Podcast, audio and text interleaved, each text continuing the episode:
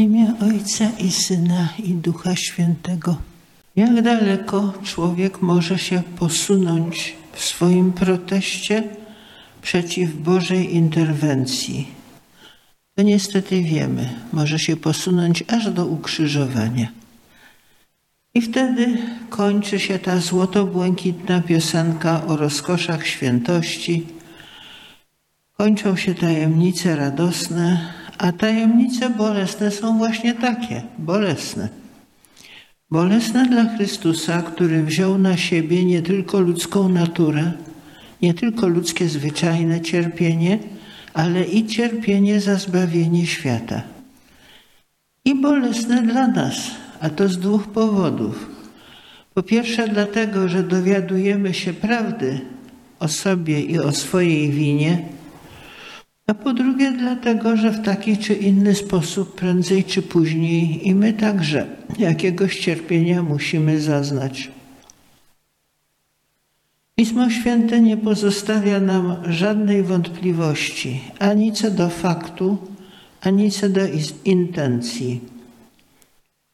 Cierpiał dla naszego zbawienia, wydał się w ofierze dla, za nas. Umarł zgodnie z Pismem za nasze grzechy. Za wszystkich umarł Chrystus. Wydał siebie samego za nasze grzechy. To wszystko z listów świętego Pawła. A nie była to cena błaha. Kiedy Piotrowi nie mogło się coś takiego w głowie pomieścić i upomniał Chrystusa, Panie, niech Cię Bóg zachowa, nie przyjdzie to nigdy na Ciebie. Chrystus zareagował bardzo ostro. Zejdź mi z oczu, szatanie. Ale w ostatniej chwili sam modlił się bardzo podobnymi słowami: Jeżeli to możliwe, niech odejdzie ode mnie. Może i my, jak Piotr, wolelibyśmy być zbawieni za mniejszą cenę. Refleksja teologiczna Kościoła głosi, że jedna kropla krwi wcielonego Syna wystarczyłaby, mówiąc obrazowym językiem biblijnym, do obmycia z grzechu całej ludzkości. Po co więc było wylewać wszystko, oddać życie w straszliwej męce? zapłacić najwyższą możliwą cenę. Od kilku stuleci istnieje w Kościele kult Najświętszego Serca Jezusa. Jest to XVII-wieczna nazwa na myśl, która jest stara jak chrześcijaństwo. Skoro przez serce rozumiemy życie wewnętrzne, a szczególnie miłość, chodzi nam o to, aby zrozumieć, na ile to dla nas możliwe – i uwielbić, co dla nas zawsze możliwe, intencje Pana naszego, a także odpowiedzieć miłością na Jego miłość. Jeżeli więc pytamy, jaki jest przedmiot najgłębszej, podstawowej miłości Syna Bożego, jak go znamy z Ewangelii, musimy odpowiedzieć Ojciec. A po Ojcu wszystko to, co Ojciec stworzył i co umiłował. Gdybyś jakiejś rzeczy nie miłował, nie byłbyś jej stworzył. Czytamy w Księdze Mądrości. Jeżeli w ogóle cokolwiek już wiemy o życiu Trójcy Świętej, to właśnie to, że tym życiem jest miłość. Miłość osobowa między Ojcem i Synem, Duch Święty.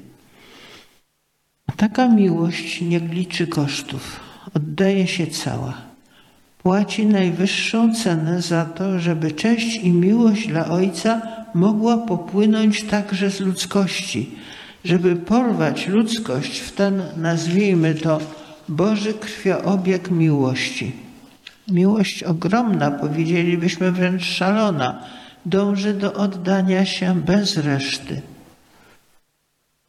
Jakieś blade cienie takiej miłości znajdujemy czasem i w swoim życiu.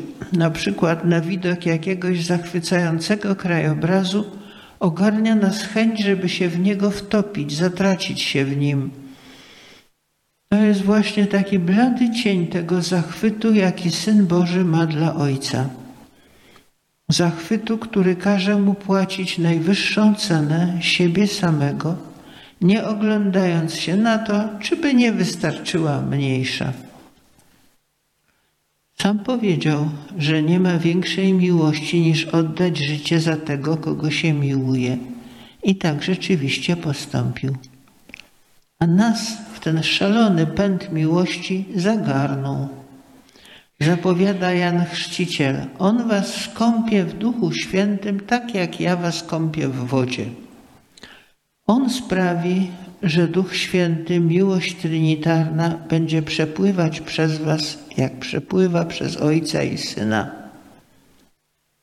A my tylko mówimy zbawienie i rozumiemy przez to coś dobrego na potem, ale zdecydowanie na potem. A teraz owszem, trzeba tak żyć, żeby się z tym darem w chwili śmierci nie rozminąć, ale minimum uwagi do tego wystarczy.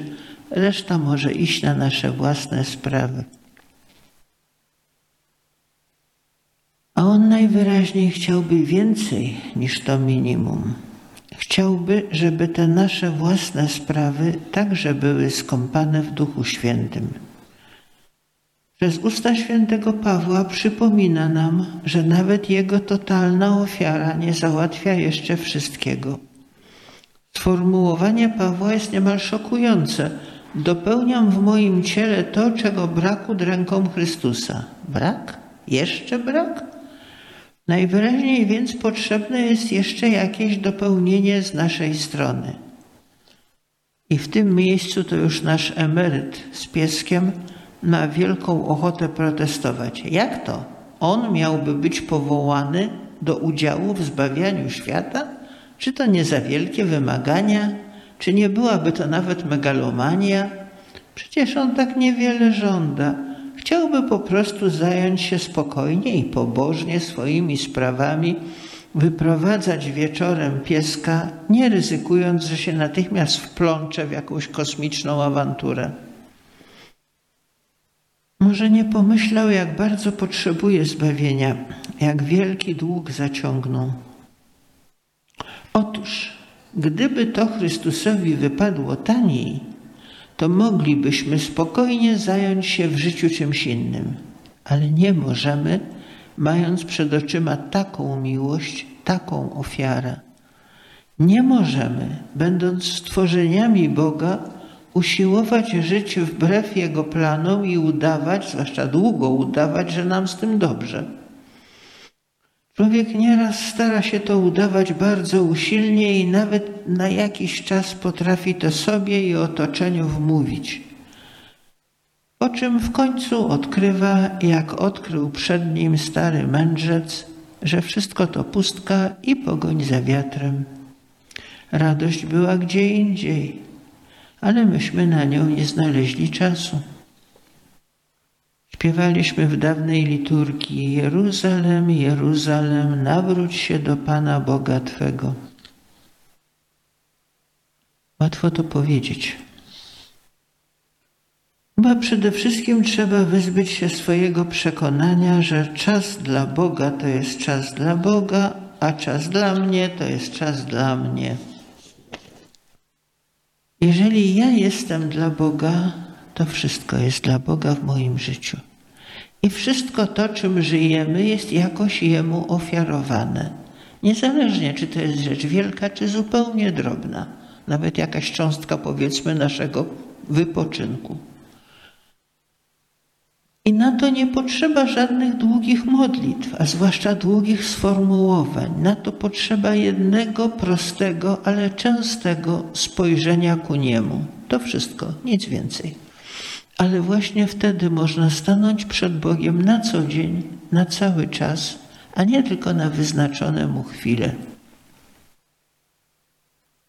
Prawdę o sobie odkrywamy na modlitwie wtedy przede wszystkim, kiedy widzimy, jakim trudem modlitwa jest dla nas. Byleby się trochę zmył uczuciowy zapał, a już wszystko inne okazuje się pilniejsze i ważniejsze od czasu na modlitwę. Ale dowiadujemy się tej prawdy także wtedy, kiedy Bóg sprawia, że coraz lepiej zdajemy sobie sprawę z naszej grzeszności z niedoskonałości naszych motywów postępowania, z tego, jak łatwo krytykujemy innych za to, co popełniamy sami. Do tej świadomości szczególnie nam pomaga otoczenie. I dlatego właśnie w życiu monastycznym jedną z najstarszych pokus jest chęć, żeby odejść gdzie indziej, bo w tym towarzystwie, w którym jestem, to już naprawdę żyć się nie da. I wszyscy dawni i nowsi mistrzowie zgodnie twierdzą, że to jest złuda. Po prostu dlatego, że człowiek zabiera ze sobą swoje problemy dokądkolwiek pójdzie. Mnich, który cierpi taką pokusę, od razu może być rozpoznany jako ktoś, kto już zaczął dowiadywać się od Boga prawdy o sobie, tylko nie chce jej przyjąć do wiadomości i dlatego usiłuje uwierzyć, że to nie on jest winien, tylko inni. Nie dość długo żyłam w tak zwanym świecie, żeby wiedzieć, czy i tam można odnaleźć taką prawidłowość. Niemniej świadomość naszych win i słabości, chociaż tak przed nią uciekamy, jest naprawdę wielkim skarbem. Prowadzi do uspokojenia, łagodzi w nas agresję, a w ostatecznym rozrachunku bardzo pomaga stanąć twarzą w twarz z Bogiem. To Louis dał jednej ze swoich książek tytuł Dopóki nie mamy twarzy, a sens jest ten, że nawet sam Bóg nie może stanąć przed nami twarzą w twarz, objawić się nam, dopóki my zamiast twarzy nosimy maski. Zdzieranie tych masek z twarzy nie jest wesołe ani przyjemne, ale bywa konieczne. Wiecie, to tak jest jak z rozproszeniami na modlitwie. Człowiek by chciał, żeby ich nie było całkiem od początku do końca, no przez ten wyznaczony sobie kawałek czasu, ale cała myśl skupiona. Jest taka anegdotka o świętym Bernardzie, chociaż może przypisywano to i innym świętym, ale w każdym razie problem jest stary jak świat. Otóż święty Bernard ponoć jechał kiedyś w drogą na osiołku i spotkał kogoś, z kim wydał się w rozmowę i ten człowiek twierdził, że no kto jak kto, ale taki mnich to na pewno modli się bez rozproszeń. Mówi, że nie, to niemożliwe. O, ja właśnie potrafię modlić się bez rozproszeń. Święty Bernard, widząc, że tamten idzie pieszo, mówi: No to w takim razie załóżmy się. Dostaniesz osiołka ode mnie, jeśli potrafisz zmówić Ojcze Nasz bez roztargnienia. No oczywiście ten już się cieszy i zaczyna. Ojcze Nasz, któryś jest w niebie, święć się i... A siodło też dostanę? No i było po zakładzie.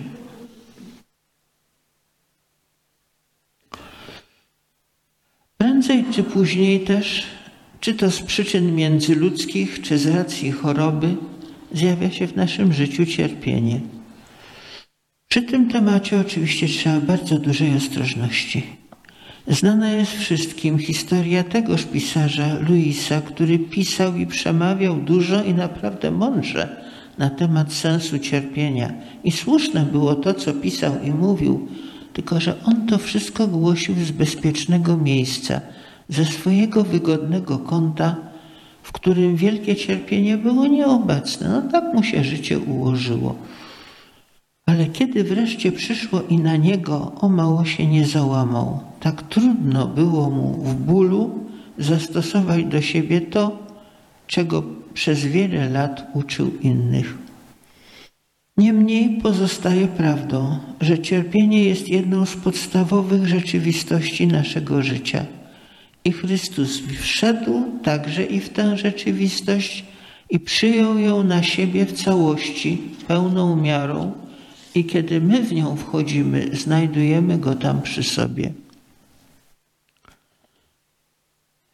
Wobec tego nie wyobrażajmy sobie, że Chrystus w męce był tylko bierną ofiarą cudzego działania. Chociaż po ludzku fizycznie pokonany, w końcu nawet unieruchomiony, był przez cały czas nie tylko ofiarą, ale i kapłanem ofiarnikiem, główną osobą działającą. Składał samego siebie w ofierze Ojcu i była to ofiara niewyobrażalnie bogata w intencje i skutki. Po pierwsze, wyrażała miłość. Tę miłość, dla której wyrażenia przez tę właśnie ofiarę cały świat został stworzony. Miłość syna do ojca w Trójcy Świętej. Po drugie, zagarniała w akt tej ofiary ludzkość, którą on reprezentował, i tym samym, skoro ta ludzkość jest grzeszna, ofiara wynagradzała Bogu za jej grzechy. Dlaczego cierpienie miałoby za cokolwiek wynagradzać? Nie dlatego, żeby Bóg się cierpieniem cieszył albo się potrzebował mścić, ale dlatego, że podjęcie cierpienia, pokuta jest żarliwym uznaniem popełnionej winy, wyrazem nawrócenia, aktywną próbą odmiany. Jeszcze na początku swojej działalności, przyjmując od Jana znak obmycia w Jordanie, Chrystus pokazał, że chce nam w tej pokucie towarzyszyć, biorąc ją w wielkiej mierze na siebie. Po trzecie, idąc przez mękę do Ojca, szedł, jak sam zapowiadał, przygotować nam miejsce. I to nie jakieś miejsce spokojnego zapomnienia na łąkach asfodelowych, ani sytości w krainie wiecznych łowów, ani rozpłynięcia się w jakimś wspólnym bycie w zaświatach, ale wciąż jeszcze dla nas niewyobrażalne szczęście przybranych, umiłowanych i miłujących dzieci Bożych, świadomych i zachowujących całą swoją tożsamość, inaczej nie moglibyśmy kochać, ale zarazem zjednoczonym z nich i ze sobą wzajemnie w samym Duchu Świętym, nie w byle zwykłej ludzkiej sympatii czy życzliwości, ale w samym Duchu Świętym tej miłości, która nas stworzyła. Po czwarte, zanim jeszcze do tego szczęścia doszło, On jest z nami w naszym cierpieniu, towarzyszy nam. Nie ciągnie nas do nieba z odległości, jak rybak ciągnie rybę, siedząc sam wygodnie na brzegu. Za tę bliskość, za to, że nikt z nas nie może rzucić mu w twarz, ty nie wiesz, jak to jest zapłacił cenę niewyobrażalnie wielką, ale jego miłość cen nie oblicza. A ci wszyscy, którzy go na dnie swojego ziemskiego cierpienia spotkali, świadczą potem, że nie oddaliby tego spotkania za żadne ziemskie błogostany. I wreszcie, kiedy święty Paweł mówi, że Chrystus stał się dla nas posłuszny aż do śmierci, Pokazuje i nam przykład i drogę zaufania, posłuszeństwa, nie liczenia się z ceną. Tu odzywają się z kwaśną miną robotnicy pierwszej godziny i przypominają, że Bóg niejednakowo układa nasze losy i oczekuje od jednych więcej wysiłku niż od drugich. Przyjacielu, nie czynię ci krzywdy, odpowiada Pan Ci, którzy mniej się trucili od Ciebie, przynajmniej mniej według Twojej oceny, widocznie są od Ciebie słabsi i muszą tę swoją słabość z pokorą uznać i przyjąć. A Ty po co tracisz czas na porównywanie, mierzenie, ważenie, liczenie, ocenianie? Na co Ci te pomiary? Czy to Ty będziesz sądził żywych i umarłych? Lżejszy byłby Twój trud na ziemi, gdybyś raczej myślał o tym, że ja jestem przy Tobie w Twojej pracy. Gdybyś mnie przy sobie zauważył, a kolegom dał spokój.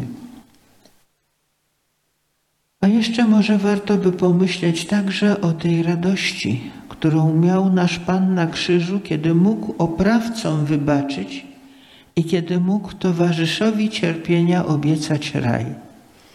Jeśli nam się choć odrobina tej radości w głowie pomieści, to może zrozumiemy, co znaczy, że Syn Boży cierpiał dla naszego zbawienia.